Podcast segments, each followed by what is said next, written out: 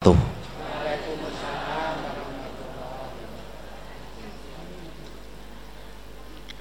Alhamdulillah.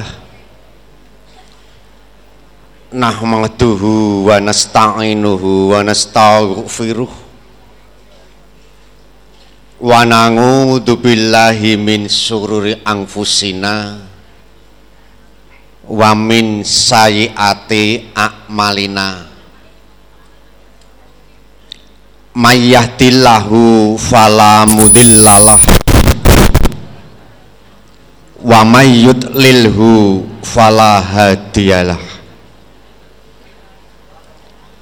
asyhadu an la ilaha illallah. Wa asyhadu anna muhammadan abduhu wa rasuluh Allahumma sholli ala Muhammad wa ala alihi wa ashabihi ajmain. Amma ba'du.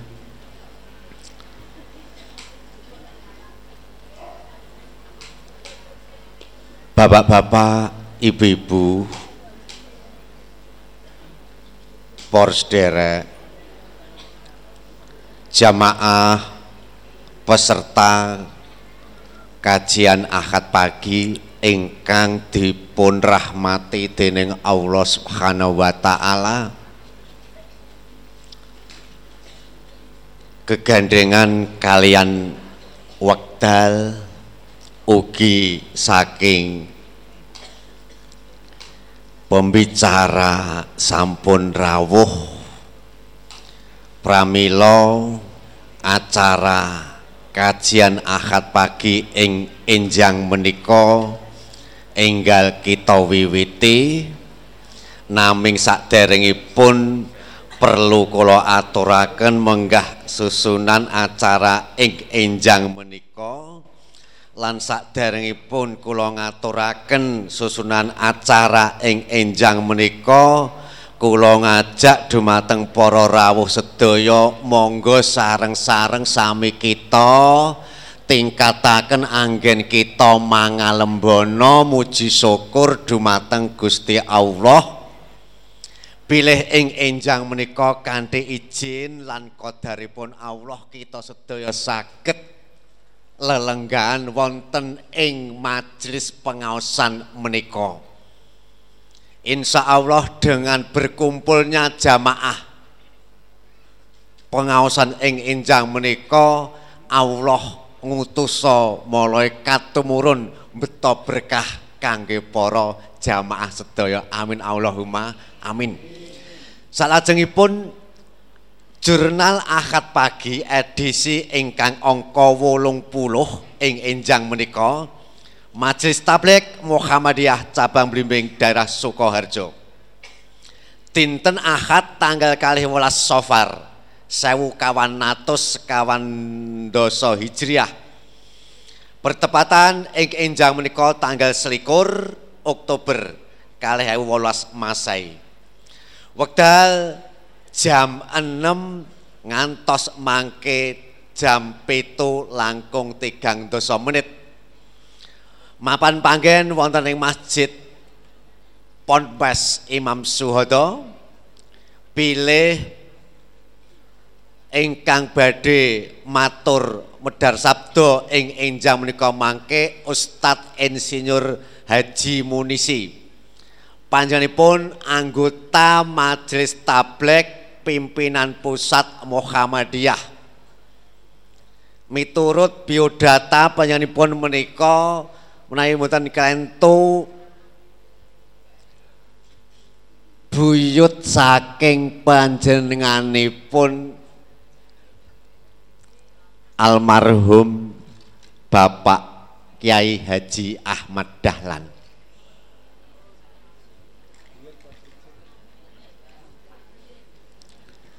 Lajeng ing enjang menika mangke kanthi mendhet judul musibah dalam perspektif Al-Quran dan Sunnah. Acara ingkang tunggal atur pembikaan kalajengaken kajian sesi yang pertama 40 menit acara ingkang ketiga jeda kangge peman kalajengaken acara ingkang sekawan kajian sesi yang kedua sampai dengan jam 7.30 menit. Wontene acara ingkang pungkasan ana inggih penutup. Kaum muslimin wal muslimat rahimakumullah. Ibu-ibu bapak-bapak kegandengan kalian wekdal sampun jam 6 langkung sekawan menit.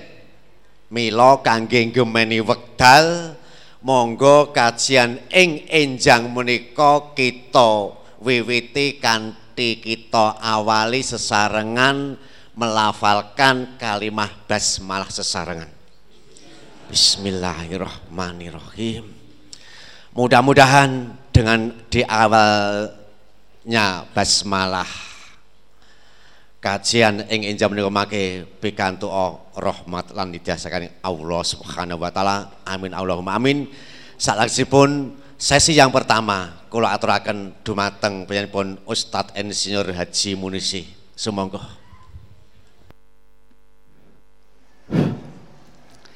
Assalamualaikum warahmatullahi wabarakatuh. Alhamdulillahilladzi arsala rasulahu bil huda dinil haq liyudhirahu 'ala dini kullihi wa kafa billahi syahida. Asyhadu an la ilaha illallah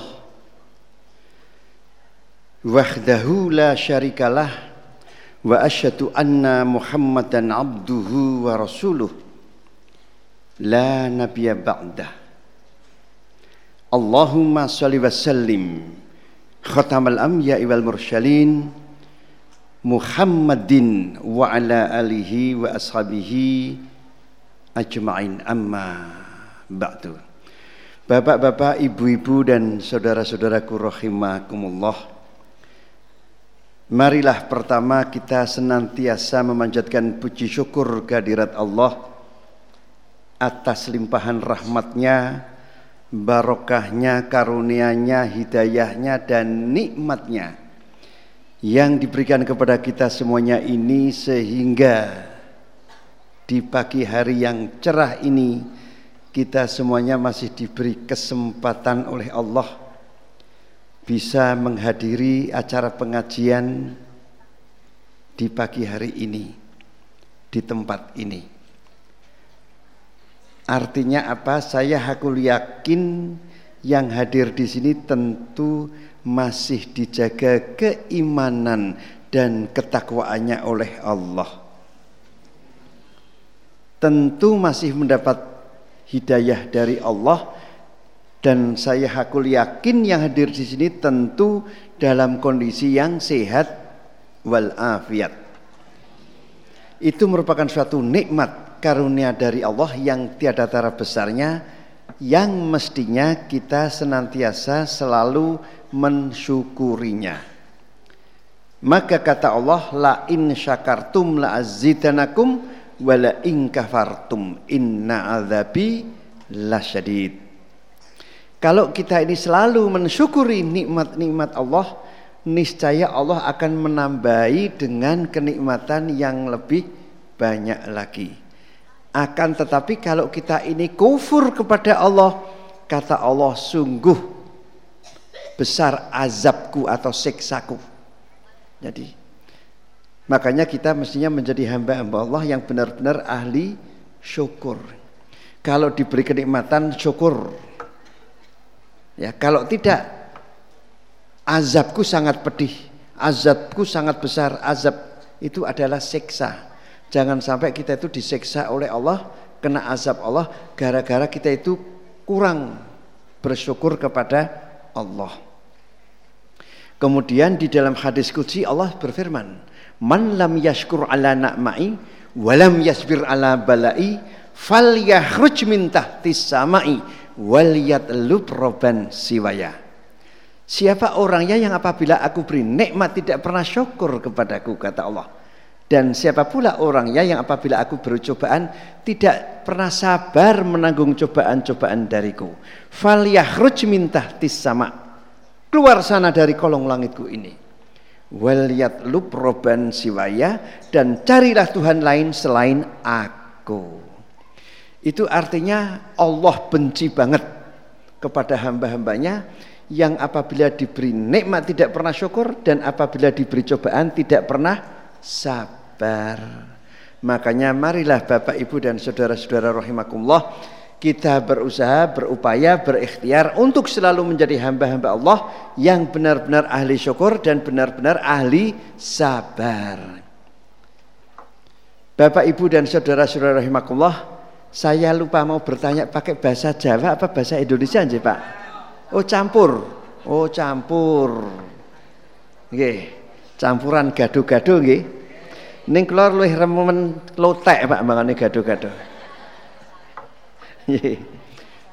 Bapak, Ibu dan saudara-saudara rahimakumullah, mila menika monggo kita sedaya menika berusaha, berupaya, berikhtiar untuk selalu menjadi hamba-hamba Allah ingkang ahli syukur ugi ahli sabar. Nek entuk kenikmatan syukur, nek entuk cobaan dicoba diuji karo Gusti Allah sabar. Tema pengajian wonten ing enjang menika ngingingi musibah. Krana kathah sederek-sederek kita menika ingkang menderita, susah, sedih krana kenging musibah. Nah, wonten Lombok, wonten Palu, Nggih wonten pundi kemawon menawi kenging musibah mesti sedih, mesti susah nggih. Kula tesih emut, Pak. Tanggal kula menika berkantor di Jakarta. Jadi wirawiri Jogja Jakarta. Ya karena kula menika insinyur.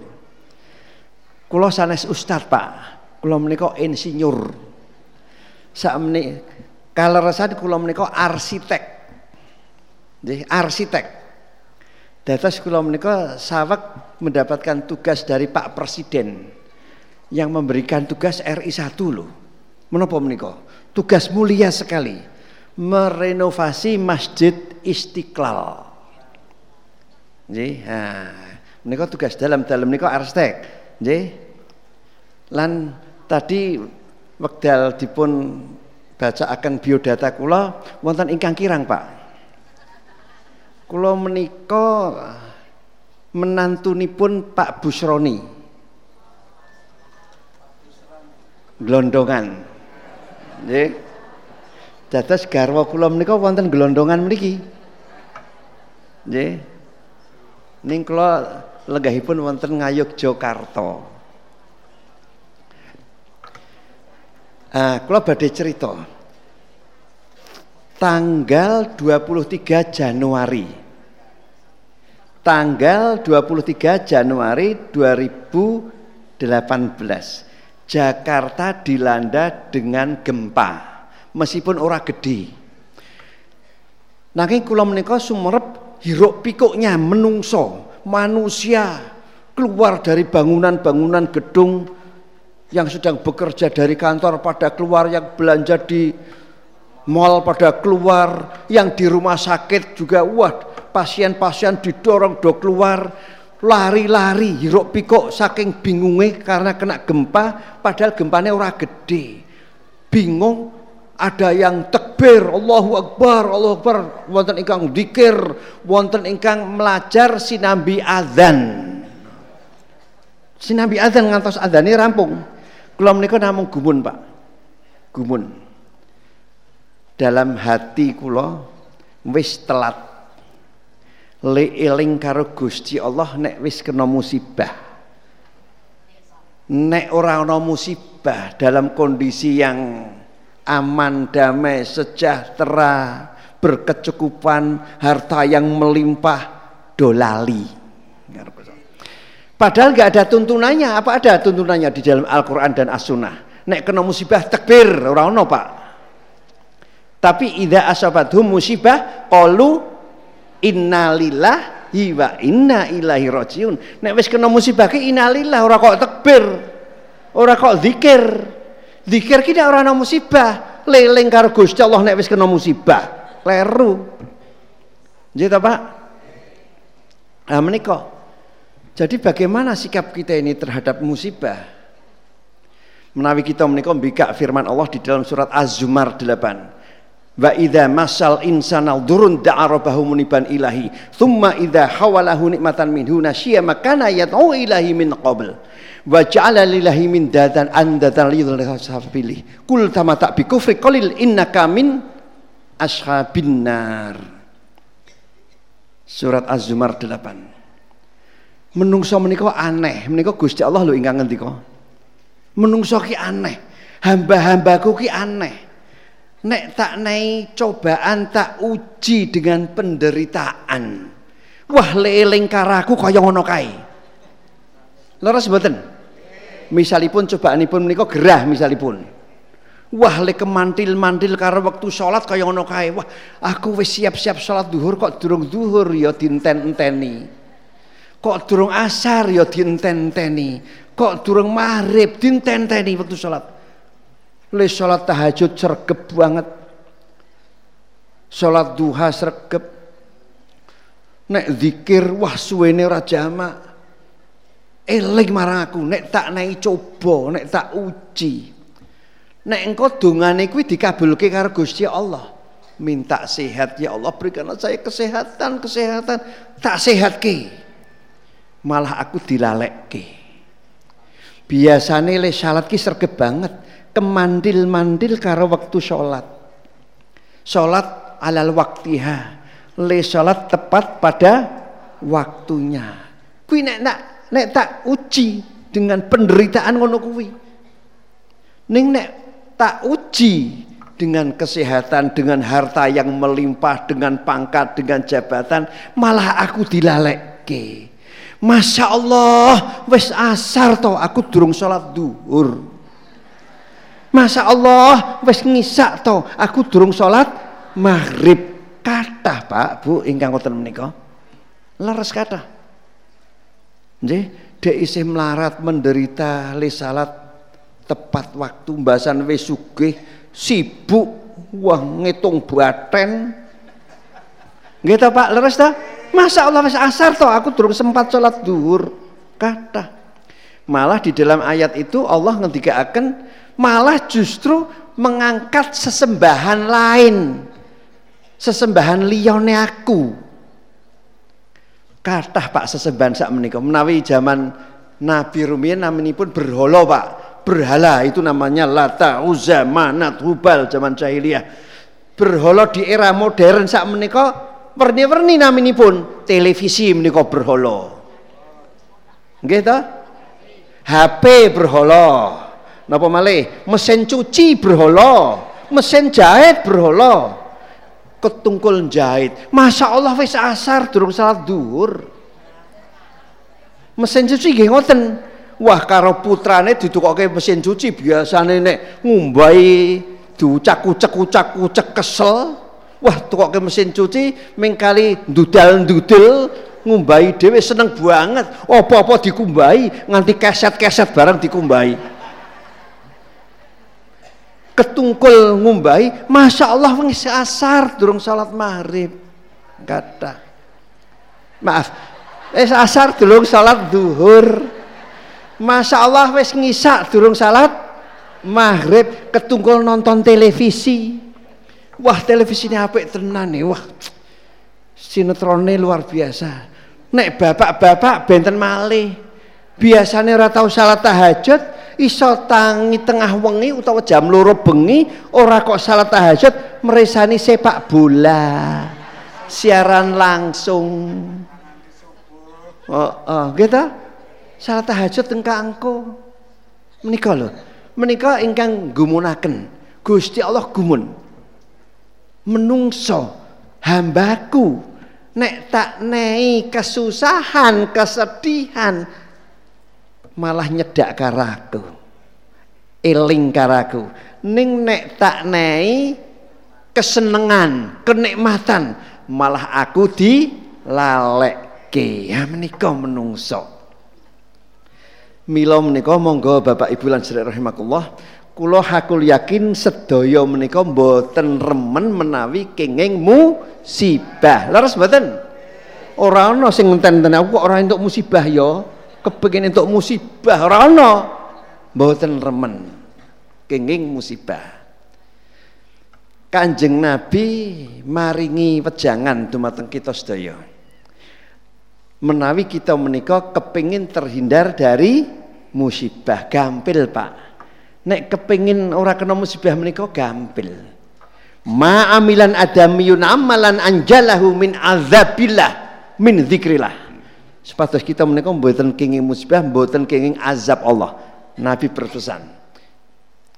Ya, ada amalan wonten amalan. Menawi menika dipun amalaken dening anak turun Adam. Anak turun Adam menika menungso. Iso terhindar dari azab Allah. Menapa menika zikrillah zikir kepada Allah. Ning biasanipun kita menika mangertosi perkawis zikir menika namung Subhanallah, subhanallah, alhamdulillah, alhamdulillah, Allahu akbar, Allahu akbar mengotan menikah zikir. Zikir itu ada tiga tingkatan. Zikir bilisan, zikir bil qalbi, zikir zikir bil arkan. Sing paling gampang ki ya menggo. Aku wis zikir ping 1000 ning ming ucapane tok. Ora tok lebokke nang jeron ati, ora tok amal oke. Mek ngono gampang. Nggih. Dados kita menika mangertosin pun zikir menika ming mengucapkan kalimat thayyibah dengan lesan. Nggih. Dados boten cekap namung dengan lesan. Kathah tiyang menika dengan lesan ning tumindake isih ora kaya sing dicontokke karo Kanjeng Nabi. Wah aku korupsi karo zikir ben ora konangan. Judi karo zikir ling ngasut karsu subhanallah subhanallah alhamdulillah alhamdulillah Allahu akbar ben menang. Mboten ngoten menika. Nggih, zikir menika dari asal kata zakara yudzakiru artinya emut mengingat. Mengingat Allah dengan lisan, mengingat Allah dengan hati, mengingat Allah dengan amalan. Puncak zikir menika mengingat Allah dengan amalan. Aku ere eling marang Gusti Allah, aku ngamalke apa wae sing dipun kersakaken dening Allah. Ngoten. Jadi puncaknya zikir itu amalan. Makanya memperhatosaken sangat Pak, Bu, nggih. Wonten negari kita menika prihatos sangat. Menawi dipun data Pak Bu sing do korupsi kuwi sing saiki ditahan nang KPK kae nyasate kabeh wong Islam. Nyasate kabeh wong Islam. Kengi menapa? Ternyata banyak orang Islam yang belum beriman. Nek orang menawi tiang beriman boten badhe ngelampai perbuatan faksa iwal munkar nek wong Islam untuk menjadi Islam ini kok gampil kok Pak, Bu. Meng cukup mengucapkan dua kalimat syahadat menawi panjenengan melihat menyaksikan pengislaman di mana-mana di masjid misalnya. Ono pengislaman tak ngrungokke, meng cukup maca dua kalimat syahadat karo tanda tangan surat bermetre pernyataan. Surat pernyataan kuwi ganti KTP nggo bakale. Nggih. Wes wis Islam. Ning salat apa ora mbuh ra weruh, poso apa ora mbuh ra weruh. Nggih, sing penting wis Islam. Gampang ming dadi Islam. Sing angel ki dadi wong sing beriman. Nggih, kula menika nate, Pak, Bu, ceramah wonten Jakarta. Kula menika meskipun saya itu insinyur, Pak, nggih, tapi saya itu ceramah seperti ini di atas mimbar ini sudah dari Banda Aceh dumugi Jayapura Pak. Wonten puncak Jayapura nanti. Saya itu ceramah di sana. Sudah seluruh Indonesia Pak. Meskipun saya itu insinyur. Ya karena hobi saya itu dakwah. Tapi di sini baru sekali ini Pak J ya. Ya itu. Banyak sekali orang yang eh, gini dalam suatu ceramah ada yang bertanya ke saya Ustadz saya mau bertanya. Tapi sebelumnya saya ingin menyampaikan sesuatu sebelum saya bertanya. Apa? Menika dalam ceramah wonten Jakarta. Saya kenal persis Ustadz dengan pejabat tinggi itu saya kenal persis. Beliau itu sholat lima waktu selalu di masjid. Sholat lima waktu selalu di masjid. Wangel lho pak sholat lima waktu selalu pakai selalu pak. Lah wong kula niku sak tangkel takmir masjid e. ketua takmir masjid panjenengan sudah pensiun dan panjenengan itu menjadi ketua takmir masjid. Bisakah panjenengan itu sholat lima waktu selalu di masjid? Lain jawab buat nonton sing mantep kok pak. Waduh nek selalu ya tidak ya. Nek niku pejabat tinggi itu sholat lima waktu selalu di masjid. Menikah menurut pengamatan dari banyak orang, bukan beliau sendiri malan. Seko ajudane, seko supire, seko tonggone, bapak itu sholat lima waktu selalu di masjid. Karena kaleresan yang bangun masjid di komplek perumahan beliau itu dia gawe masjid persis nangarep omah pak jadi bendina keluarganya nek salat yang masjid. Ngarep adep-adep teras adep-adepan karo masjid kok. Salat lima waktu di masjid. Puasa Senin Kemis selalu diamalkan. Nek zakat sodakoh infak zakat oke okay, tenan pak sudah bangun masjid yang telecek di Jakarta karena biasanya kalau kita ini dimintai sumbangan untuk pembangunan masjid, sok-sok ming ngetok ke duit nek oke ya sak juta, rong juta, limang juta, ngoten toh Pak? Sok-sok ya ming satu, serongatus, ngoten toh? Nek beliau itu dibaca dulu proposalnya. Tak waca sih, kurang opo tuh ini? Wis dana piro kurang opo? Wah kurang gendeng, kurang ini wis sing nutup aku kabeh. Bendang dadi, bendang makmur. Oh. Pernah panitia pembangunan masjid minta sumbangan kurang apa to boro-boro kirang menopo nembe mawon lunas pelunasan pembebasan Siti Pak menika dereng gadah material menopo kemawon dereng baru mau mencari dana. Wis sik bangun ke aku kabeh bendang dadi ndang makmur. Pripun niku? Wis bangun masjid yang telecek teng putih-putih saya sangat tahu menika? Kaji berkali-kali umroh ora iso diitung.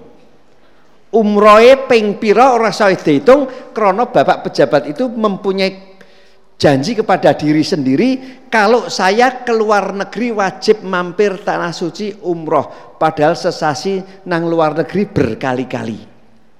Ateges sele umroh yo ya berkali-kali. Nek limang tahun wis rasa dihitung ping pira? Setahun wae ngelok ngitung ping pira aku umroh.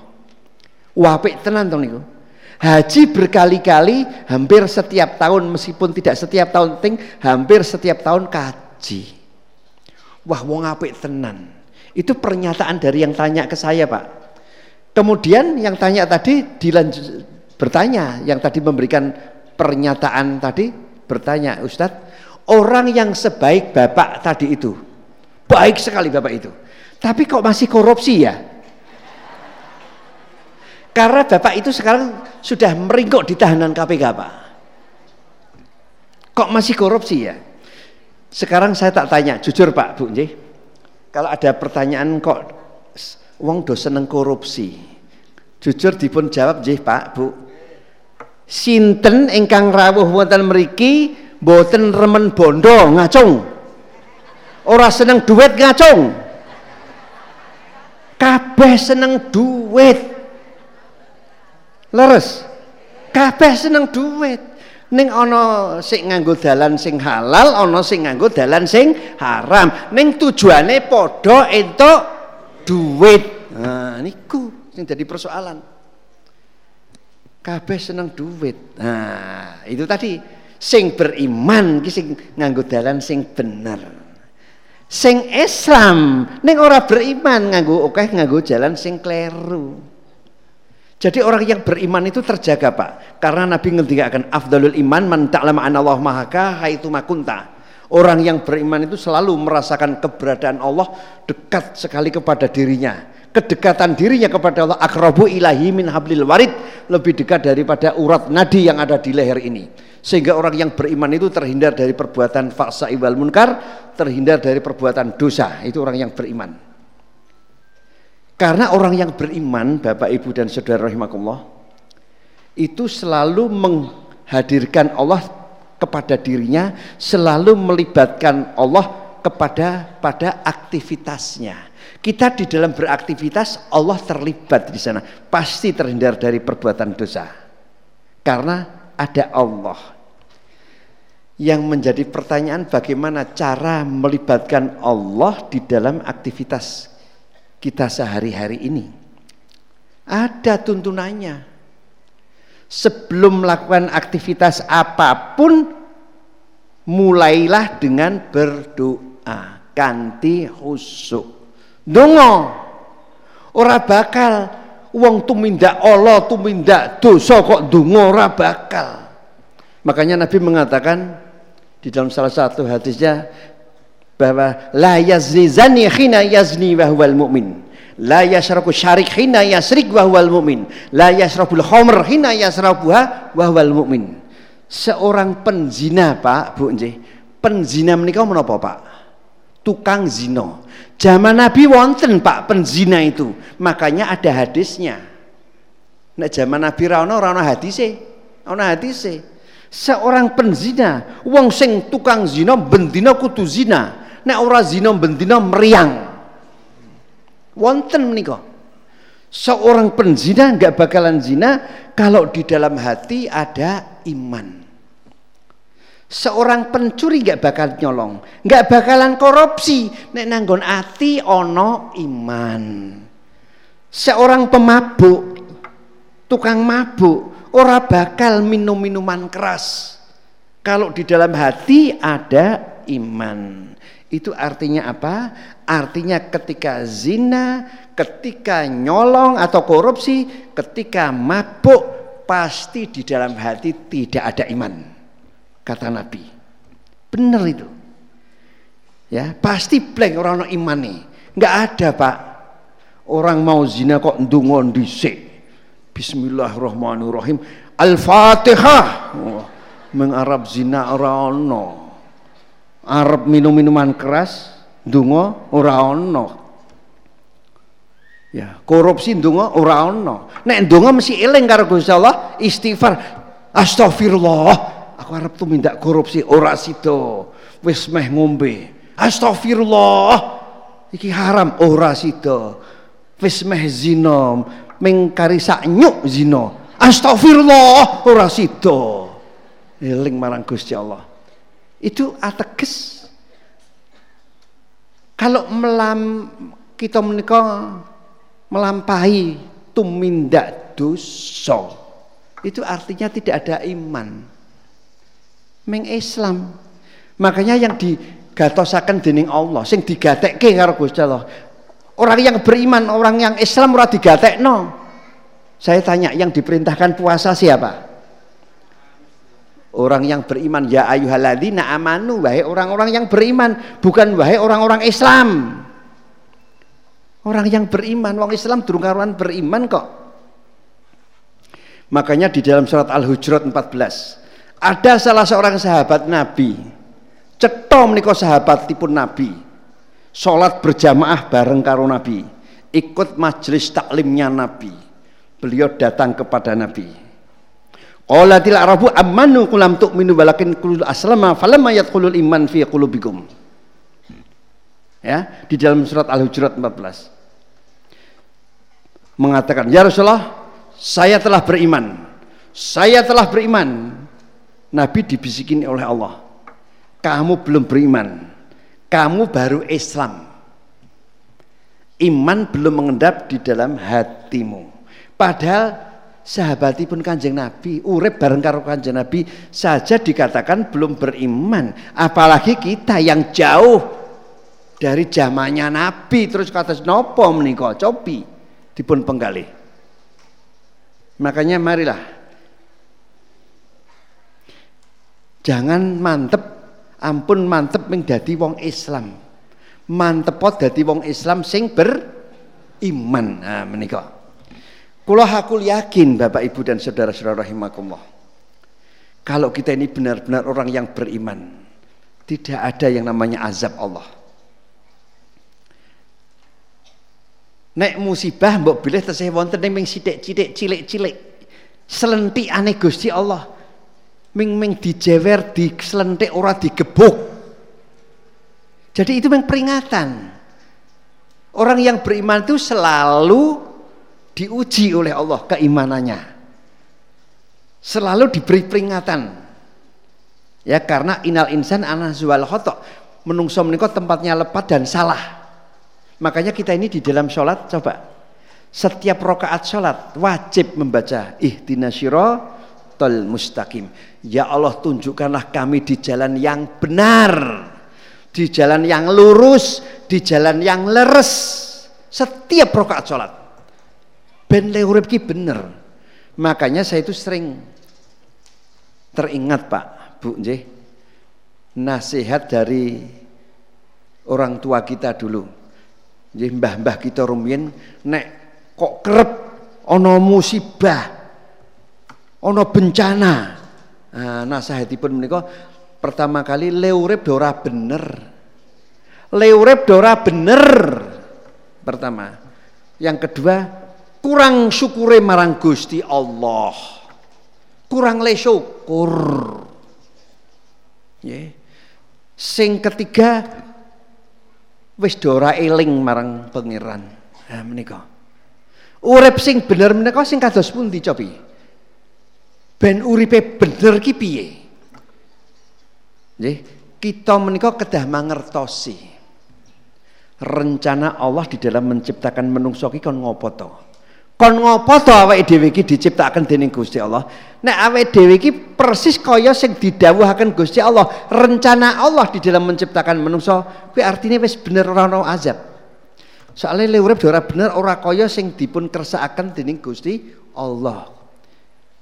Karena menapa kemawon ingkang dipun titahaken dening Allah, ingkang dipun ciptakan dening Allah menawi kita mbikak firman Allah di dalam surat Ali Imran 191 Rabbana ma khalaqta hadza batila. Menapa kemawon ingkang dipun ciptakaken dening Gusti Allah menika bermanfaat. Itu artinya banyak hidup kita itu belum bermanfaat. Mbok sing manfaat Ah, sering kita menikah mireng manfaat munggu liyan. Manfaati nggo kabeh ora minggu awakmu dhewe. Manfaat ki menurut Gusti Allah ki piye? Nggih manfaat menungso dipun ciptakan dening Allah kados firman Allah di dalam surat Al-Dariyat 56. Surat Al-Dariyat itu surat yang ke-51 ayatnya 56. Nggih, wa ma khalaqtul jinna wal insa illa liya'budun. Tidak aku ciptakan jin dan manusia kecuali hanya untuk mengabdi kepadaku mengabdi. Supados gesang kita wonten ing alam dunia menika bermanfaat kita di dalam gesang menika kedah mengabdi dumateng Allah. Mengabdi itu melayani. Jadi kita itu hidup melayani Allah. Menapa kemawon ingkang dipun kersakaken dening Gusti Allah? Kita lampai. Wonten Solo sami kalian ngayogja. Ning isih temoto Yogja wonten kerajaan to mriki? Solo rak duwe raja to janjane ning ora ketok nggih. Raja menika nggadahi ingkang dipun sebat abdi dalem. Abdi dalem wonten keraton menika kedah menawi ingkang kula sumuripi wonten Yogyakarta. Nggih, kedah selalu sendika dawuh dumateng raja sendika dawuh menapa ingkang dipun ngendikaken dening raja? Ya dipun lampahi. Mboten wonten ngabdi dalem kok ngeyel. Padahal panjenengan pirsa Pak Bu? Gajinipun kathah napa sekedhik. Sekedhik cilik banget gajine sok-sok telat.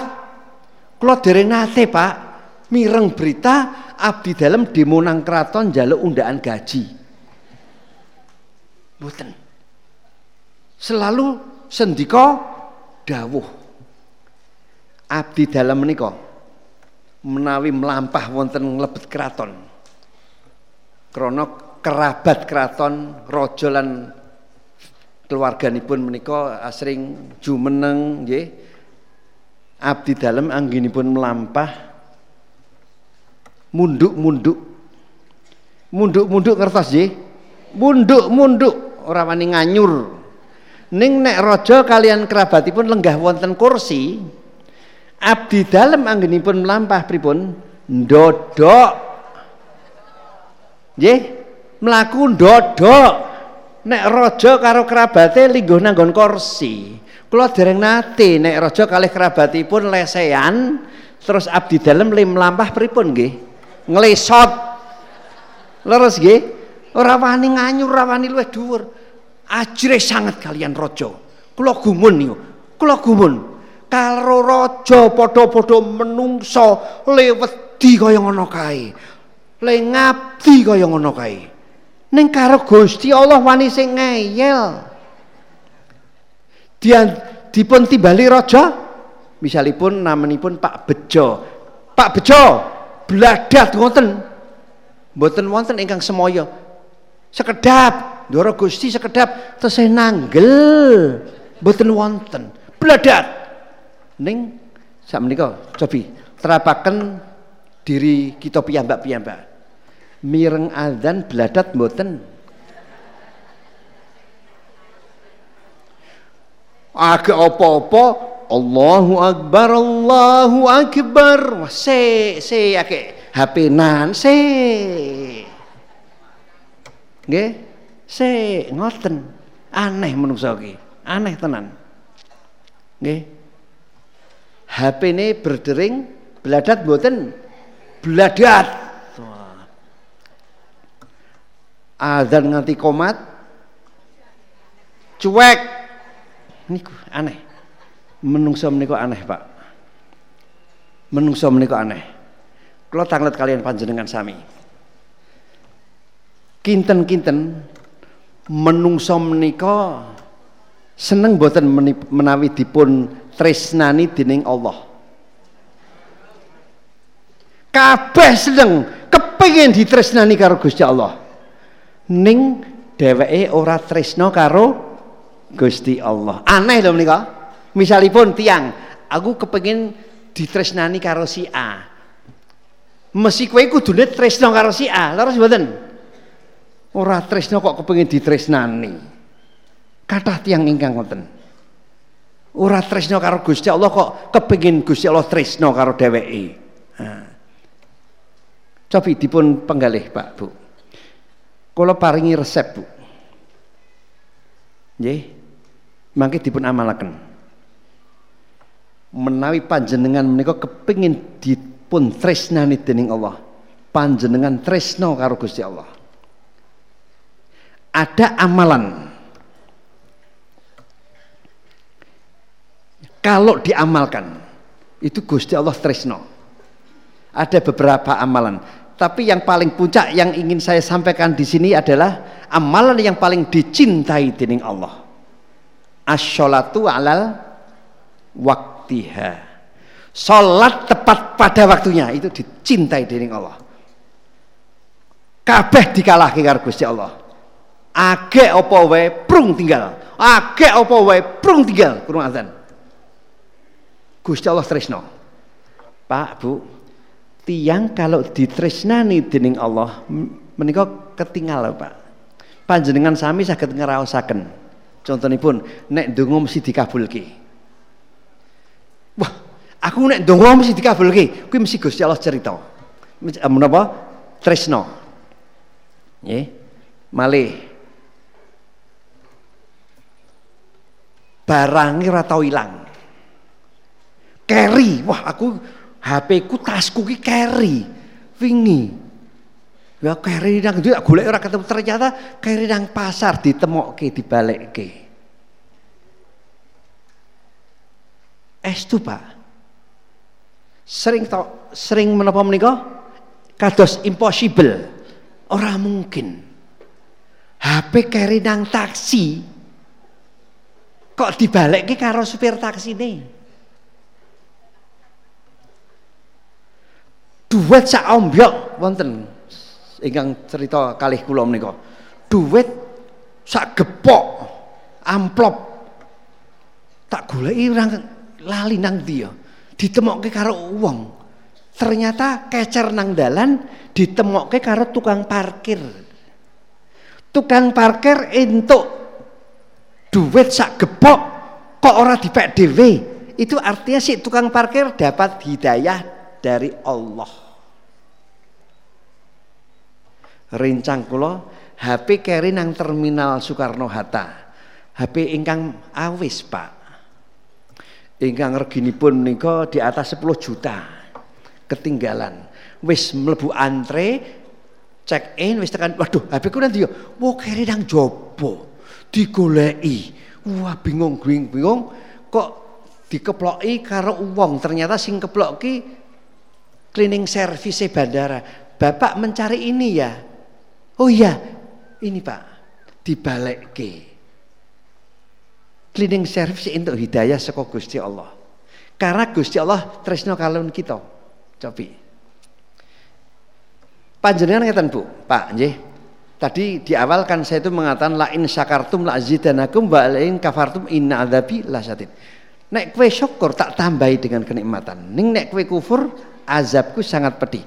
Panjenengan datang dari rumah menuju ke papan mriki ke pondok pesantren mriki selamat boten wonten kekirangan menapa kemawon tasih ora kecer nang dalan ora nabrak ora ditabrak. Selamat. Kita syukuri. Selalu syukur kepada Allah. Le mlaku selamat wonten Pak. Mulai pengajian medun saka unda-undaan kalau tiang Jawi ngendikaken kejengklok. Tiang sepuh menawi gejenglok menika patah. Patah pergelangan kaki ini pun patah ming kejengklok medun undak-undakan musibah ha menika menika artinya pun buatan selamat. Selamat menika buatan buatan kekirangan menapa-menapa kemawon. Ha carane sing syukur sing bener menika kados pundi? Syukur sing bener. Nah jadi syukur sing bener menika make kaitane wonten kalian ibadah wau menika. Menawi kita menika mbikak firman Allah di dalam surat An-Nahl. Surat An-Nahl itu surat yang ke-16 ayatnya 114. Washkuru nikmatallah ing kuntum iyahu butun. Syukurilah nikmat Allah dengan jalan hanya kepadamu lah ya Allah kami ini mengabdi mengabdi menika beribadah. Sehingga gesang kita wonten ing alam donya menika mboten wonten sanes kejawi namung ngibadah, Pak. Karena urip nang donya ki kon ibadah kok. Ning ngibadah menika mboten kok perkawis salat, poso, zakat, kaji tok. Kados wau kula contohaken, wah apik banget salat, poso, zakat, kaji ini apik tenan. Mboten namung niku. Ibadah menika wonten werni kalih ibadah mahdhah kalian ibadah ghairun mahdhah. Ibadah mahdhah menika ngingingi hablum minallah persoalan salat poso zakat kaji nah, itu yang wajib nyontoh kanjeng Nabi wajib nyontoh kanjeng Nabi dalam hal ibadah mahdoh. Ya, wajib. Nek ora nyontoh kanjeng Nabi menika ingkang dipun wastani ingkang dipun sebat dengan bid'ah. Kudu nyontoh Nabi. Ning nek ibadah khairun mahdoh hablum minanas ora urusan akhirat ning urusan donya ora kudu nyonto kanjeng nabi sakarepmu. Asal tidak menyimpang Quran dan sunnah entuk ya nek nyonto kanjeng nabi kabeh kudu nyonto kanjeng, kanjeng nabi wah parkiran mriki anane ming unta karo jaran Pak ora ana motor nabi ora tau numpak motor ora ana mobil Nabi ora tau numpak mobil. Ming anane unta karo jaran. Itu urusan donya ora apa-apa, sakarmu. Nabi mengatakan antum alamu bi umri dunyakum untuk urusan dunia luwih ngerti kue bangun aku. Ora saya nyontoh aku urusan dunia. Sing nyontoh aku urusan akhirat. Menarik sekali. Ya itulah. Jadi itu kabeh ngibadah. Hablum minallahi yo ngibadah. Hablum minanasi yo ngibadah. Ibadah urusan akhirat, ibadah urusan dunia. apik karo tangga ki ngibadah, mesem ki ngibadah. To? Nyaponi latar ben resik menika ibadah anadzafatu minal iman. Nganggo pakaian sing resik, sing apik, macak ngene iki ngibadah. Innallaha jamil yuhibbu jamal. Allah itu indah dan mencintai keindahan. Ngibadah kabeh sing dilakoni menika. Menika bukti bahwa kita menika mensyukuri nikmat Allah. Nggih, menika jeda rumiyin nggih wonten pengumuman-pengumuman mangke dipun lanjutaken malih. Nggih, monggo Pak. Bapak-bapak, ibu-ibu, jamaah pengawasan. Kajian sesi yang pertama 40 menit berlalu sudah kita lajengaken acara ingkang ketiga inggih menika jeda informasi. Kangge wekdal informasi monggo Bapak kula aturi nyekecakaken anggenipun lenggah mulet-mulet sik ndak keju eh kakung kopupung urung pengajian ganti arah posisi gen kepenak. Jeda yang pertama laporan keuangan Ahad pagi edisi kemarin. Edisi ke-79 tanggal 14 Oktober 2018 saldo awal 34 juta 200 197.800 rupiah Lajeng pengeluaran 10.599.000 rupiah. Terus saldo akhir 23 juta 698.800 rupiah. Lajeng infak akad kalau wingi pikantuk 11 juta 620 ribu rupiah. Laporan ingkang kalih kangge dumateng para jamaah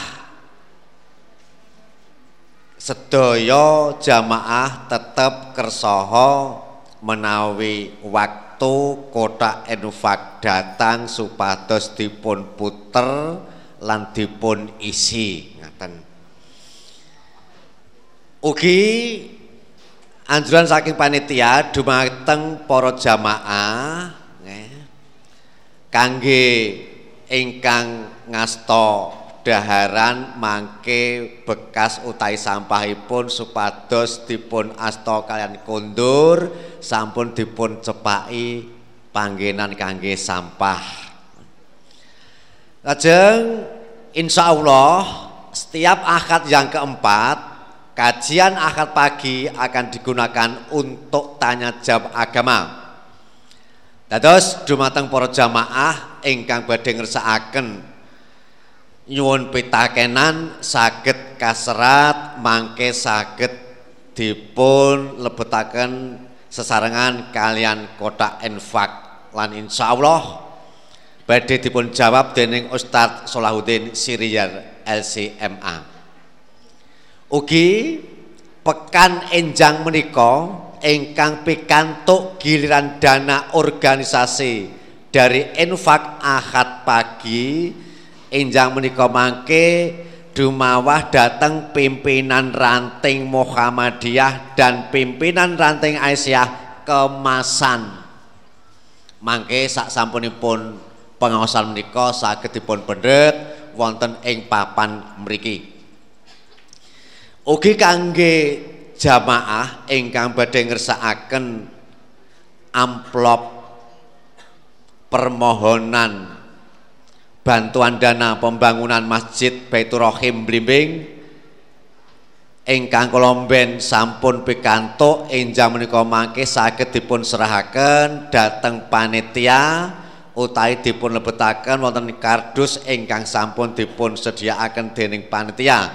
Wonten ing ler utawi kidul gerbang gedung menika. Kangge ingkang dereng sempat mendet saking panitia tasih nyawisi ugi insya Allah infak akad pagi hari ini akan disalurkan untuk membantu saudara-saudara kita di Donggala, Palu, Sulawesi Barat. Untuk itu bisa dipersiapkan infak terbaik. Lajeng menika wonten undangan saking Kokam Ranting Meranggen.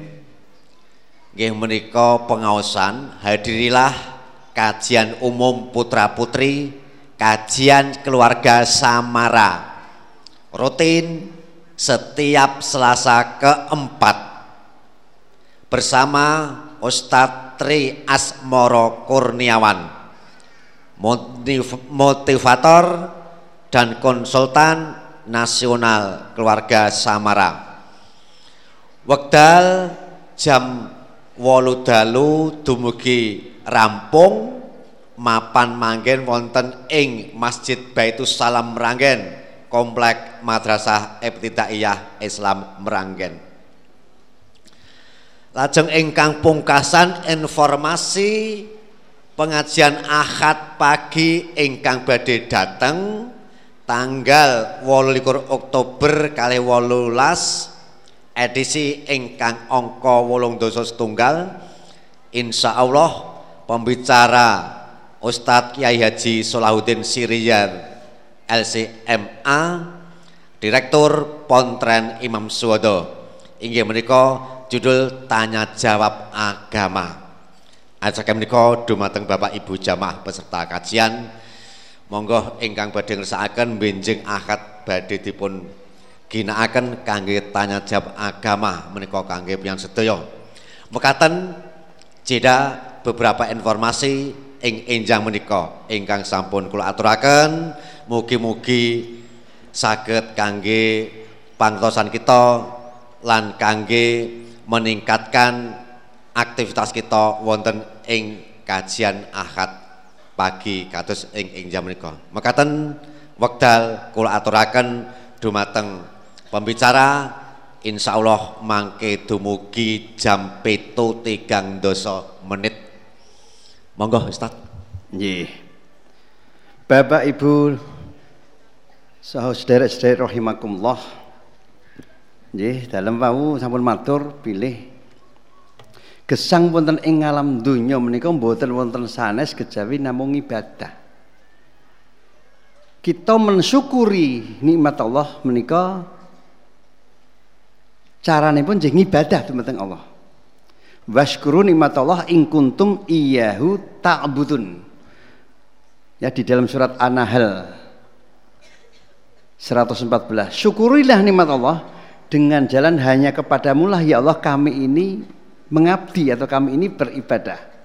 Sehingga kita menikah sholat dalam rangka mensyukuri nikmat Allah. Kita siam dalam rangka mensyukuri nikmat Allah kita zakat dalam rangka mensyukuri nikmat Allah. Kita haji dalam rangka mensyukuri nikmat Allah. Sehingga gesang wonten ing alam donya menika sak jatosipun boten wonten sanes kejawi namung mensyukuri nikmat Allah. Oke le syukur to marang pangeran. Menika artinipun oke le ibadah. Mila menawi kita mbikak firman Allah di dalam surat Al-An'am 162. Surat Al-An'am itu surat yang ke-6 ayatnya 162. Inna sholati wa nusuki wa mahyaya wa mamati lillahi rabbil alamin. Cobi. Sesungguhnya sholatku kok diartikan terus ibadahku, hidupku, matiku hanya untuk Allah. Kalau asring dipun tangleti Pak ditanya. Itu kan sudah disebut Ustadz sesungguhnya sholatku kok isih dan ibadahku sholat rak ibadah tak Ustad kok tesih sholatku ibadahku sholat itu mewakili ibadah mahdoh saya tadi matur di sini ibadah itu ada dua macam ibadah mahdoh dan ibadah khairun mahdoh ibadah mahdoh itu diwakili dengan sholat jadi Allah tidak perlu berfirman sesungguhnya sholatku, puasaku, zakatku, hajiku ora perlu wis diwakili salat. Sesungguhnya sholatku, sholat mewakili ibadah mahdoh. Di sini ibadahku, ibadahku di sini itu ibadah khairun mahdhah. Urusan dunia, urusan serawung silaturahim dan sak penunggalanipun menika ibadah. Menuntut ilmu seperti ini ibadah. Ya, makanya Nabi mengatakan layat hulul jannah qadi'arahim tidak bakal masuk surga orang yang tidak senang dengan silaturahim. Kalau panjenengan rawuh wonten ing papan mriki saking griya nawaitunipun sepindah silaturahim itu artinya panjenengan itu dijamin masuk surga karena seneng silaturahim. Nggih. Nabi ugi ngendikaken orang yang senang silaturahim, mansana orang yang senang silaturahim. Nggih. Itu akan dipanjangkan umurnya dan dilapangkan rezekinya. Sapa sing ora seneng dawa umure karo akeh rezekine? Kabeh seneng. Makanya sing do seneng silaturahim. Napa malih silaturahim ditambah menuntut ilmu, mencari ilmu napa malih ilmu agama man kharaja fi talabil ilmi kana fi hatta yarji fil bait sing sapa wong metu saka omah niate golek ilmu nggih ngeten menika wonten ing majelis taklim menika selama menuntut ilmu itu sami kalian mujahidin. Kaya wong sing do jihad ya fisabilillah nang dalane Gusti Allah. Hatta yarji fil bait sampai pulang kembali masuk ke dalam rumah. Sehingga aktivitas panjenengan ingkang wonten mriki menika jihad fisabilillah. Padahal jihad itu puncaknya ibadah. Subhanallah. Nah itulah. Itu ibadah sehingga menapa kemawon ingkang kita lampai menika kedah nggadahi nilai ibadah kalau saya bertanya kepada panjenengan sedaya nggih menika pengalaman dalam Pak kalau tanya di majelis taklim di mana-mana di pengajian dari Sabang sampai Merauke. Kok ledon jawab podo yo nyasati. Jajal, kalau tak tanya wonten mriki. Nggih Pak, Bu nggih. Mlebu swarga karo mlebu neraka gampang di. Wah, podo jawabane. Pak, Bu, jawabane podo. Neraka kabeh demun neraka. Kleru, Pak, Bu. Saya selalu mengatakan orang cerdas masuk surga. Monggo dipun persani. Justru amalan-amalan masuk surga, tiket masuk surga banyak sekali yang gratis. Malah amalan yang paling dicintai oleh Allah itu gratis tis tis tis rasa bayar. As-salatu ala waktiha. Tiket masuk surga. Sementara tiket masuk neraka oke sing bayar arep mabuk-mabukan mendem bayar sok-sok nek ora kebenaran oh soalnya whisky menika whisky yang asli larang Pak terus gawe dhewe oplosan ora kebenaran gawe malah do modar leres ta tur entu ane neraka amalan masuk surga itu banyak yang gratis loh Zikrullah ala kuli halin. Zikirlah kepada Allah dalam situasi dan kondisi macam apa pun. Contohnya pun ibu-ibu, ibu rumah tangga. Nggih. Badhe blonjo wonten peken, mlaku nggih. Karo zikir subhanallah, subhanallah, alhamdulillah, alhamdulillah tekan pasar. Mulai zikirnya subhanallah, subhanallah, alhamdulillah, Allah tekan rumah lem masak sinambi dikir sreng goreng tempe tahu sreng subhanallah subhanallah alhamdulillah alhamdulillah tempe ini mateng tahu ini mateng lawi mateng wah ganjarannya oke tenan niku sedino panjenengan wis pirang puluh tahun etong ganjarannya oke banget menikah tiket melunggah suar melebu swarga dora boten mengangertos ya gratisan Mulane wong cerdas mlebu swarga. Menika. Jadi mlebu swarga ki gampang, mung ora gelem. Gitu Pak, ora gelem. Dados kita menika mboten cerdas loh. Ana amalan iki nek tak amalke swarga nek tak amalke neraka. Ning kok ngamalke sing neraka nggih? Korupsi misale. Zina misale. Mabuk-mabukan misale, judi misale. Aneh to menika. Dados tiang Islam sing apik keislamannya, apa pun yang dilakukan itu harus sesuatu yang halal itu melalui suatu pertimbangan. Nah, pertimbangan ini yang disampaikan oleh Rasulullah ini sebagai apa ya? Ini memberikan inspirasi kepada pebisnis, pebisnis, businessman, businessman atau businesswoman, pengusaha-pengusaha di dalam melakukan usahanya sebelum berusaha selalu membuat itu yang dinamakan visibility study. Jadi, kelayakan. Arab bukan Arab buka usaha orang yang buka. Gawe visibility study dulu. Iki layak ora? Nek aku gawe usaha kaya ngene iki bati apa tuna? Kudu ngerti di atas kertas. Dihitung dhisik. Wo bati wah tak buka usaha iki. Ya di atas kertas bati dilaksanakan belum tentu Pak. Masih banyak faktor belum tentu bati apa meneh di atas kertas jelas tuna kok tetep buka goblok kuwi Terus mboten? Wis diitung cetha tuna kok buka. Agak diitung cetha bati dilakoni durung ten durung karuan bati apa lagi wis cetha tuna. Nah, Kanjeng Nabi memberikan tuntunan, "Idza aradta atafal amron fatadabar akibatahu wa in kana khairan famdi wa in kana syarran famtahi."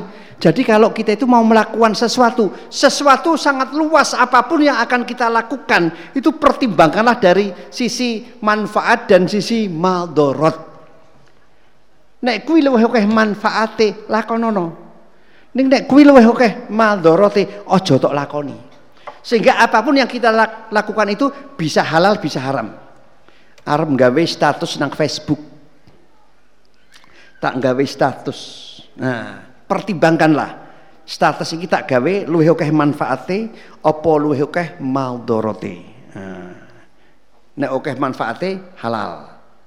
Isine ming ayat Quran hadis ming ajak-ajak kebaikan halal. Nek isine ming hoak hoak hoak. Nggih? Haram ngoten mawon. Nge-share nggih ngoten. Karena banyak di antara kita waton share share share share. Entuk suka kono share durung diwaca barang Nggih to? Wah, kita ayate akeh banget share. Wah. Nggih share share share. Waca dhisik. Iki nek tak share luwih akeh manfaate apa luwih maldorote ya? Waca. Oh, luwih akeh manfaate share. Oh, luwih maldorote tak hapus wae wis. Nah, ngoten. Jadi kalau yang kita lakukan itu selalu melihat dari sisi manfaat dan maldorot.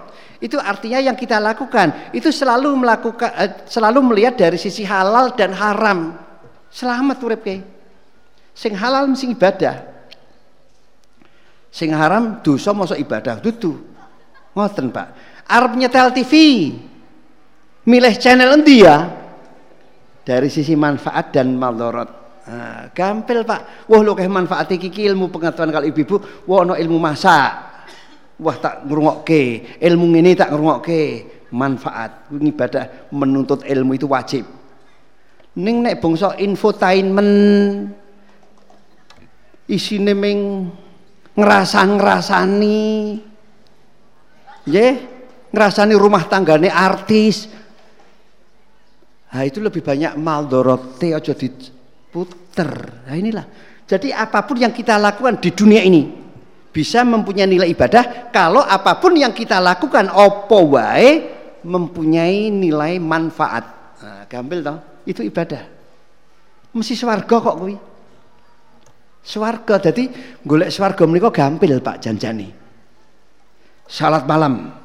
Wah, ganjaran akeh tenan Pak. Gratis toh Pak, orang bayar toh Pak. Gratis. Salat malam. Wah, lendungo.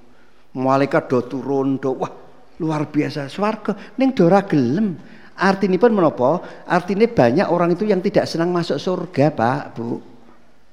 Nggih. Luwih seneng nyemplung neraka. Naudzubillah. Nah itulah.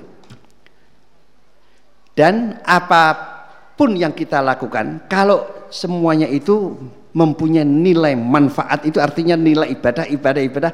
Kulo kul yakin tidak ada azab Allah artinya kita sudah menjadi orang yang beriman yang benar ya Allah tidak menurunkan azab ini nek ora yo azab tenan kata saya pernah ditanya saya ditanya Pak Lombok mayoritas Islam mas itu pulau seribu masjid namanya Pulau Seribu Masjid. Masjid itu kayak tenan. Kalau asring kok teng Lombok. Kalau nanti khutbah Jumat di salah satu masjid di Lombok, pernah. Masjid itu kayak tenan. Ning banyak masjid sing ora makmur. Sok-sok masjid iki dienggo nek Jumuan. Pripun? Ha ini seribu masjid. Saya ditanya, itu mayoritas Islam kok kena azab ya? Saya mengatakan negara Islam banyak yang kena azab Allah. Negara Islam. Provinsi Islam juga banyak yang kena azab Allah. Aceh Darussalam Islam banyak. Tapi yang terhindar dari azab Allah itu mayoritas beriman. Negara yang beriman. Penduduknya beriman orang kok Islam. Kita coba buka firman Allah di dalam surat An-Nisa. Surat An-Nisa itu surat yang ketiga.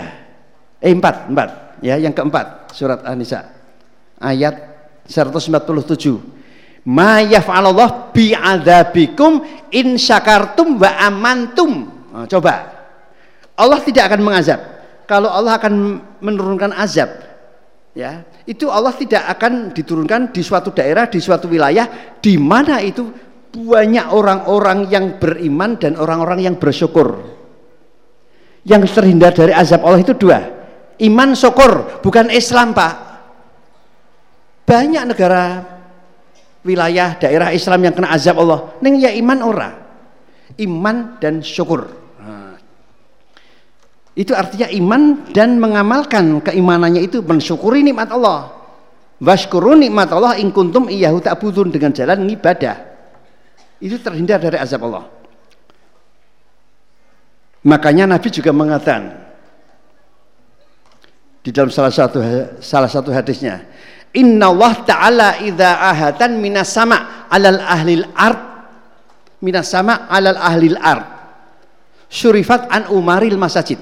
Allah kalau akan menurunkan azabnya minas sama dari langit untuk penduduk bumi alal ahlil ard itu penduduk bumi. Azab Allah itu dihindarkan kepada orang-orang yang senang ke masjid. Orang-orang yang senang ke masjid. Karena apa? Orang-orang yang senang ke masjid itu tanda-tandanya atau ciri-cirinya orang yang beriman. Jujur Bapak, Ibu dan Saudara rahimakumullah, banyak orang Islam yang tidak senang ke masjid. Leres mboten? Leres.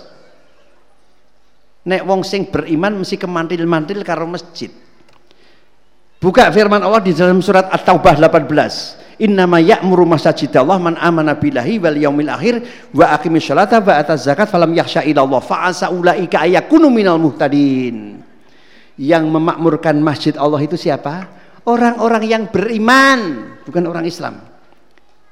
Orang-orang yang beriman kepada Allah dan hari akhir menjalankan sholat, membayar zakat tidak takut kepada siapa pun kecuali kepada Allah. Mereka itulah orang-orang yang mendapat petunjuk dari Allah. Itulah jadi kalau kepingin terhindar dari azab Allah, jadikanlah dirimu itu orang-orang yang beriman. Nah, inilah. Oleh karena itu, monggo Bapak Ibu dan Saudara rahimakumullah. Kita di dalam hidup karena tadi saya matur di sini masih banyak manusia itu hidupnya salah. Durung benar. Makanya di dalam sholat selalu ihdinas syirotol mustaqim. Tunjukkanlah ya Allah di jalan yang benar biar hidup kita benar di dunia ini. Marilah di dalam hidup tidak kok sak karep karepe dewi tidak kok semau gue urip nang donya ki kudu ana sing nuntun. Kedah wonten ingkang nuntun. Kanjeng Nabi ngendikaken man ja'alal Qur'an amamahu khattahu ilal jannah wa man ja'alal Qur'an khalfahu syaqahu ila nar. Siapa orangnya yang di dalam hidup di dunia menjadikan Al-Quran itu sebagai penuntunnya Al-Quran itu sebagai imamnya kita hidup di dunia sami'na wa atona kepada Quran Sami'na wa atona kepada Quran. Itu artinya Quran itu imam kita. Seperti kita sholat berjamaah sami'na wa atona kepada imam. Apa kata Quran? Kita jalankan. Apa yang dilarang oleh Quran? Kita tinggalkan. Kata Nabi, Quran itu nanti akan membimbingmu, menuntunmu masuk ke dalam surga. Tapi siapa orangnya yang di dalam hidup di dunia tidak menjadikan Al-Quran sebagai imam? Imam menikah meskipun wonten ngajeng, makmum nang buri. Malah kita menikah makmum genjrit nang ngarepe imam, imamnya ditinggal nang buri. Artinya pun kita menikah mboten makmum kalian Quran. Kanjeng Nabi ngendikaken, Quran nang burimu engko Quran ki arep njorokake kowe. Dicoroke, diblusukke masuk ke dalam neraka artinya disesatkan ini oke. kalau orang hidupnya tidak menjadikan Al-Quran sebagai tuntunan sebagai pedomannya kita sesat hidup kita nah, inilah makanya ini yang sangat menarik sekali Bapak Ibu rahimakumullah di dalam mensikapi Quran Quran menikah firman Allah Cofi terjadinya bencana musibah macam-macam ini ini Allah duka. Nih. Kalau diterapkan pada diri kita, seorang bapak mempunyai anak sing nakal. Wah, anakku kok nakal ora genah ya iki. Pertama kali diperingatkan dengan lisan. Terus mboten ora kok langsung diajar diantemi ora. Nganggo lisan le aja le. Aja ngono le. Peringatan pertama, kedua, le aja ngono. Wis ngene to kok isih ngayal le aja ngono ping telu isih ngayal nah, nganggo tangan dislenrik dicewer dijambak ditotok saya ndodro saya ndodro saya gede digebuk Gusti Allah juga seperti itu Pak Allah juga seperti itu di dalam memperingatkan hamba-hambanya. Pertama kali dengan lesan. Lesannya di mana? Di dalam Quran. Al-Quran itu firmannya Allah. Ngendikanaken Gusti Allah menika ngendika melalui Quran. Itu diamalkan. Kok ora do ngamalke? Ya. Terus diperingatkan dengan astanipun Gusti Allah musibah cilik dhisik cilik dikit cilik. Isih ngeyel. Rada gede ngeyel. Saya gede saya gede saya gede gede banget. Coba buka firman Allah di dalam surat Al-Isra. Surat Al-Isra itu surat yang ke-17 ayatnya 58. Wa imin qaryatin ila nahnu muhlikuha qabla yaumal qiyamah au mu'adzibu adzaban syadida kana dzalika fil kitabi masturo. Allah tidak akan membiarkan apabila suatu negeri, suatu tempat, suatu daerah penduduknya itu melakukan perbuatan durhaka kepada Allah perbuatan durhaka itu wis cetok dilarang karo Gusti Allah kok tetap dilakoni? Cetok kuwi diperintahke karo Gusti Allah kok ora dilakoni? Menika durhaka ngeyel karo Gusti Allah. Tidak akan dibiarkan oleh Allah Allah akan mengazab. Allah akan menyiksa tempat itu daerah itu dengan siksa dengan azab yang sangat pedih qobla yaumal kiamah sebelum hari kiamat. Dan itu sudah tertulis di laufil mahfud. Nah janji Allah. Diazab tenan kowe ngeyel. Milo monggo. Kita amalkan Quran itu di dalam kehidupan kita sehari-hari. Ya di akhir ini saya akan membawakan salah satu hadis yang sangat sering disampaikan oleh Kiai Haji Ahmad Dahlan di dalam ceramahnya. Tentang bagaimana kita itu mensikapi Al-Quran. Ya. Di dalam hadis riwayat Imam Al-Dailami Nabi mengatakan, "Saya tialakum zamanun la lil Qur'ani illa rasmahu wala minal islami illa ismuhu." Yastasimu nabihi wa hum nasi minhu. Masajidhum amiratun horobun minal huda. Fukoha dzalika zaman syarun fahatata diris sama minhum kharajatil fitnah wa ilaihim yaud. Coba. Nabi mengatakan nanti setelah pen, sepeninggalanku setelah aku wafat. Nanti kamu itu akan ketemu di suatu zaman di mana umatku ini menjadikan Quran hanya sebagai bacaan. Ming diwaca target katam. Waca meneh target katam. Waca meneh target katam. One day one juz sakde sehari satu juz sesasi katam ning ora dong sing diwaca. Banyak, Pak. Apal Quran ning ora dong sing diwaca, sing diapalno. Ning apal kata. Minggu wacanan. Nabi sendiri yang mengatakan, nek umatku ki ming Quran go wacanan ming padake buku. Quran menika sanes buku. Itu wahyu, itu firman Allah.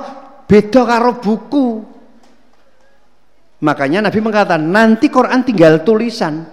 Mengkari tulisan Quran ki ora ana maknane, wis ora ana nilaine blas, padahal itu firman Allah. Mengkari tulisan mung do diwaca tok, ora do diamalki. Nek Quran mengkari tulisan ora do diamalke, Islam tinggal nama. Yastasinmu nabi wa hum minhu. Banyak orang teriak-teriak, saya Islam, saya Islam. Tapi yang diamalkan sangat jauh dari ajaran Islam yang benar. Karena tidak paham Quran. Menarik lagi Nabi mengatakan, Masajidhum amiratun horobun minal huda. Masjid-masjid kalian itu nanti, masjid-masjid kamu nanti, kelihatannya itu makmur. Wah oke okay, jamaahnya, meludak jamaahnya.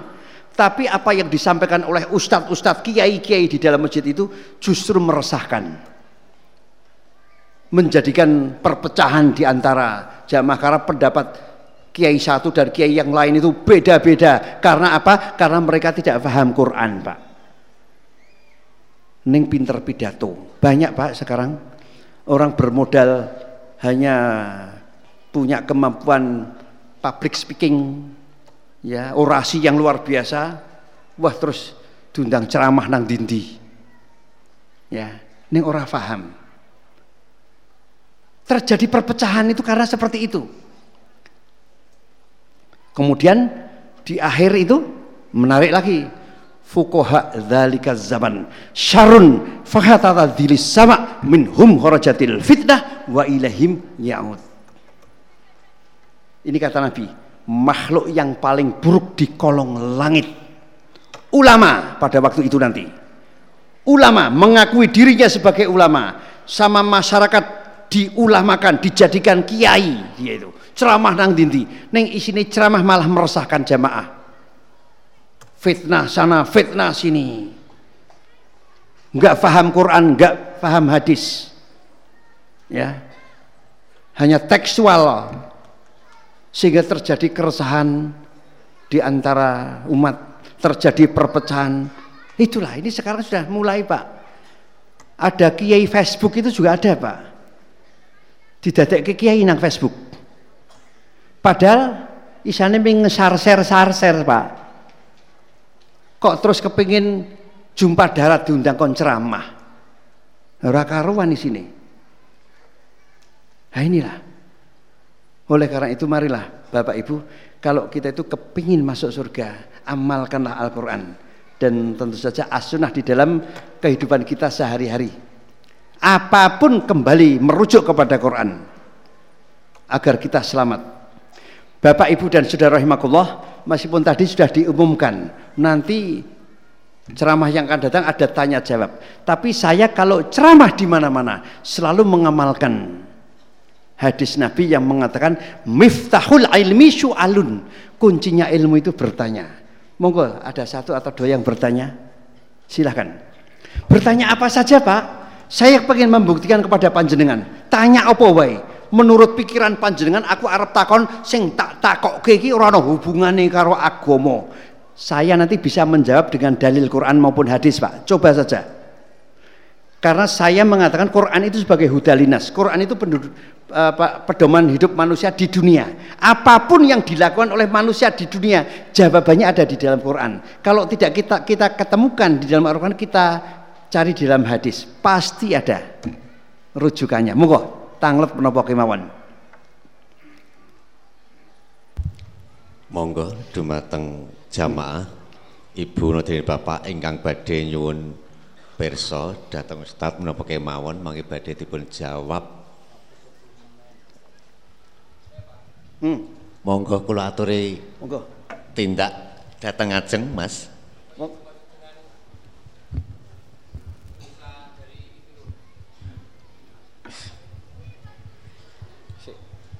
yang dimaksud dengan uh, jariah dosa jariah dosa-dosa anu itu kan ada amalan jariah terus ada ya. dosa jariah itu loh. Ya. Pak kemurahannya Gusti Allah. Saya tidak menemukan di dalam hadis yang namanya dosa jariah kalau amalan jariah ada. Ya amalan jariah yang terus menerus ya sodakotun jariyah. Um, matabna adama in kota amaluhu illa min salatin orang yang mati itu sudah terputus amalannya illa min salatin kecuali tiga hal. Salah satu sodakotun jariyah. Yang nyambung sebagai contoh panjenengan nyumbang go masjid. Wah aku ora wong ora duwe kok nyumbang go masjid ki ya? Aku ora duwe duit. Nyumbang keran keran wudu siji. Selama keran itu digunakan wudu ganjaran ini ngalir terus. Sing nyumbang kae wis sedo. Entuk ganjaran terus kerane kuwi digunakan wudu itu ganjaran jariah. Itulah maha pemurah maha pengasihnya Allah. Ning nek dosa ora. Tapi ada ulama yang mengatakan ono dosa jariah. Tapi Gusti Allah tidak kok sebagai contoh. Niat baik.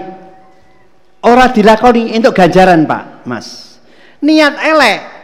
Ora dilakoni ora dosa Nek kowe nglakoni agak entuk dosa siji. Ning nek niat apik, kowe durung nglakoni wis kei ganjaran. Ora sida tok amalke entuk ganjaran sebagai contoh. Aku niat arep salat tahajud. Wis jam bekere wis diputer. Jam loro, tak aku jam loro tekan subuh rasah turu arep ngaji, arep ngene arep ngene tak salat. Dilalai baterai ini entek. Mati. Orang ngekring entuk ganjaran. Sudah dapat pahala, niatnya apik. Neng nek niat elek, aku jam rolas beri tak ngekring, gue tak nyolong pelem tonggoku. Wah, niat elek. Dilalai baterai ini mati, orang ngekring, orang itu dosa. Orang itu dosa. Nek wis dilakoni agak itu dosa. Ini kan maha pemurah pengasihnya Allah. Di dalam perbuatan jelek juga seperti itu. Ya, di dalam perbuatan jelek. Perbuatan baik panjenengan itu ilmu tak amalke wah ganjaran banget. Perbuatan jelek sing nglakoni wae. Wis sing nglakoni kae to? Ora. Nek panjenengan perbuatan jelek tak lakoni kowe dhewe dosa. Kejaba nek kowe memprovokasi meksa wong. Nggih. Panjenengan berbicara jelek diamalke karo wong kowe ora dosa kok. Nggih kowe ora dosa. Karena ada Pak Ustadz itu ceramah apa? Yang diceramahkan itu sesuatu yang baik. Ya yang baik tapi sering memberikan contoh yang tidak baik. Sebagai contoh di dalam Al-Quran Pak. Al-Quran kisah melebu Quran apa wong wong api wong elek melebu Quran ora? Fir'aun melebu Quran. Raja Namrud melebu Quran. Korun melebu Quran. Wong wong elek gitu loh. Seperti itu jadi kalau kita mengamalkan sing nganggo Quran elek, sapa sing dosa kuwi? Kuwi nganggo Qurane. Sing sing dosa sing nglakoni tok. Sing nglakoni. Gitu. Misalnya saya cerita, wah carane nyolong ki menek wit palem ngene lho juga ngono diamalke. Aku ora dosa, sing dosa kae. Sing ngamalke. Nek nek perbuatan apik, oh, dine ganjaran karo Gusti Allah. Itu. Jadi Allah itu maha pemurah, maha penyayang itu seperti itu. Sing ono diekspos jelas sodakotun jariah, amal jariah. Ning ono Ustaz njelake nggih monggo dosa jariah nek menurut saya enggak ada karena Allah itu maha pemurah, maha pengasih itu seperti itu. Nggih, monggo sinten malih. Nggih. Monggo. Nek bengokane wis seru apa-apa, Mas.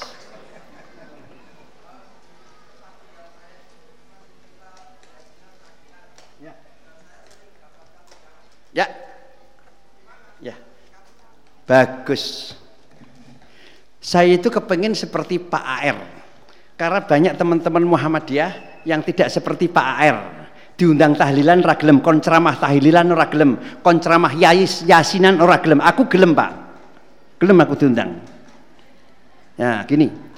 Wah, Muhammadiyah ki anti tahlil, anti tahlilan. Lambang Muhammadiyah ono tahlile lho, Pak. C, C. Sekarang saya tanya, takbir dengan takbiran beda ora? Nah, takbiran itu ora? Ento, takbir ento ora? Ento. Saya meluruskan begini, Pak. Sekarang kita itu di era yang cerdas. Ya. Sing dilakoni apik ning carane beda, niate beda. Padahal inamal amalu biniyah. Saya selalu mengatakan seperti tahlilan, buat tahlil bareng. Tahlilan itu tahlil berulang-ulang itu namanya tahlilan. Takbiran itu takbir berulang-ulang. Nah, makanya saya tanya, kowe le tahlil piye to? Le tahlil ditambah ya, tambahane iku sing ora apik. Tahlil ya ming la ilaha illallah, la ilaha illallah. Ngono. Tahlil kuwi. Ha kowe le tahlilan nggo apa to? Nggo nyangoni ganjaran. Nah, kuwi sing ora bener tahlile iki bener. Tahlil iki apik. Kalimat thayyibah sapa sing wonge arep mati? La ilaha illallah swarga. Hmm ngono lho Pak. Makanya tahlilan sing numpak motor la ilaha illallah la ilaha illallah brus tabrakan swarga. Ngono. Saya itu kepengen kayak Pak R menjelaskan ojo kok terus wong Muhammadiyah anti tahlilan. Jenenge tahlil sih Ning nek terus ditambah-tambahi digutak gatuk gutak iku sing ora ora oleh kuwi.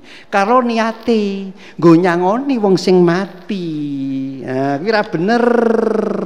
Mboten leres niku. Nggih. Saya itu pernah yasinan saiki. Mbok ora ming yasinan, Al-Baqarahan, Al-Fatihahan, Ali Imronan, kabeh diwaca.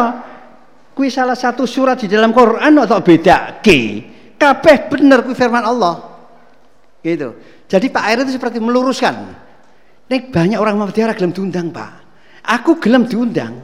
Aku le ceramah bar kowe rampung. Dadi engko aku menyampaikan sesuatu wis ngau tahlilane rampung kowe dhisik wis. Aku aku tak ceramah. Ha, meluruskan ben ora karena saya itu pernah, Pak. Bapak Pirso Pak Heri Yudanto itu mantan wali kota Jogja. Ketika ibunya meninggal, ya itu mengundang saya karena orang-orang masyarakat sekitar itu wis dong gawa yasin. Wis disak oh, ngesak ya. Ming surat yasin kae dong lumpo arep yasinan. Nah, waduh sik diundang aku bilang. Per persoalan yasinan. Ya tujuannya apa? Yasinane ki karena jangan sampai wong Muhammadiyah terus anti yasinan nek ana surat yasin dilumpati. Ha jenenge ora katam Quran kuwi. Yasine durung diwaca. Mulane Ustaz Muhammad kudu jelaske Saya kok demi kematian? Ini apa toh demi kok demi kematian? Ah apa apa kuwi. Apa pertanyaan ini. Eh kok saya sekarang boleh gini memperingati kematian. Sing diperingati apa nih? Waktu meninggal. Oke. Okay. itu Pak Heri Yudanto juga seperti itu.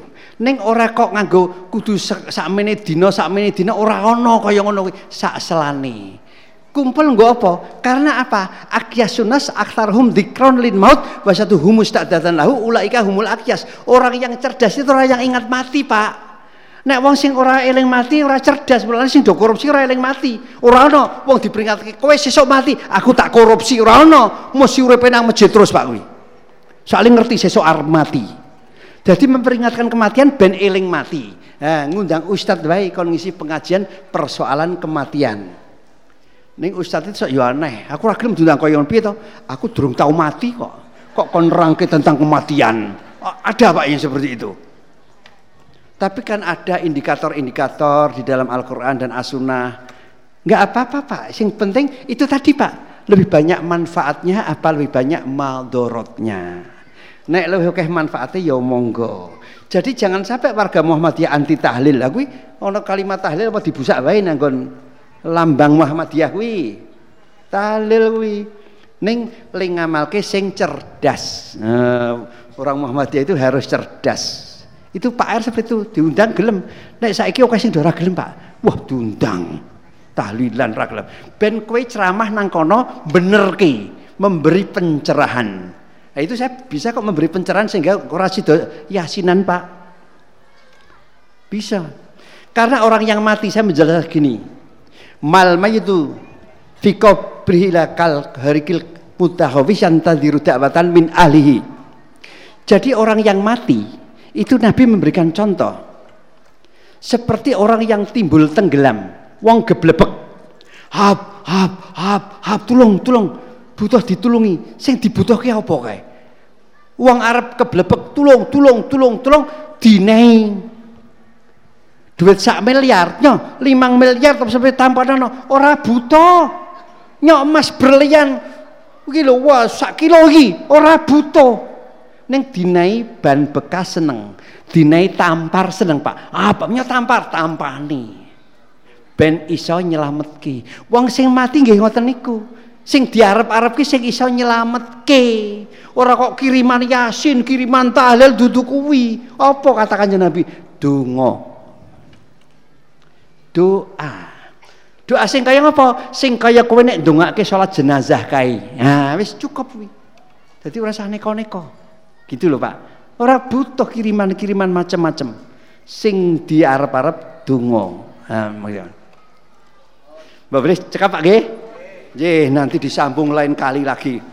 Barangkali ini yang bisa saya sampaikan mudah-mudahan bermanfaat bagi kita semuanya. Billahi taufik wal hidayah.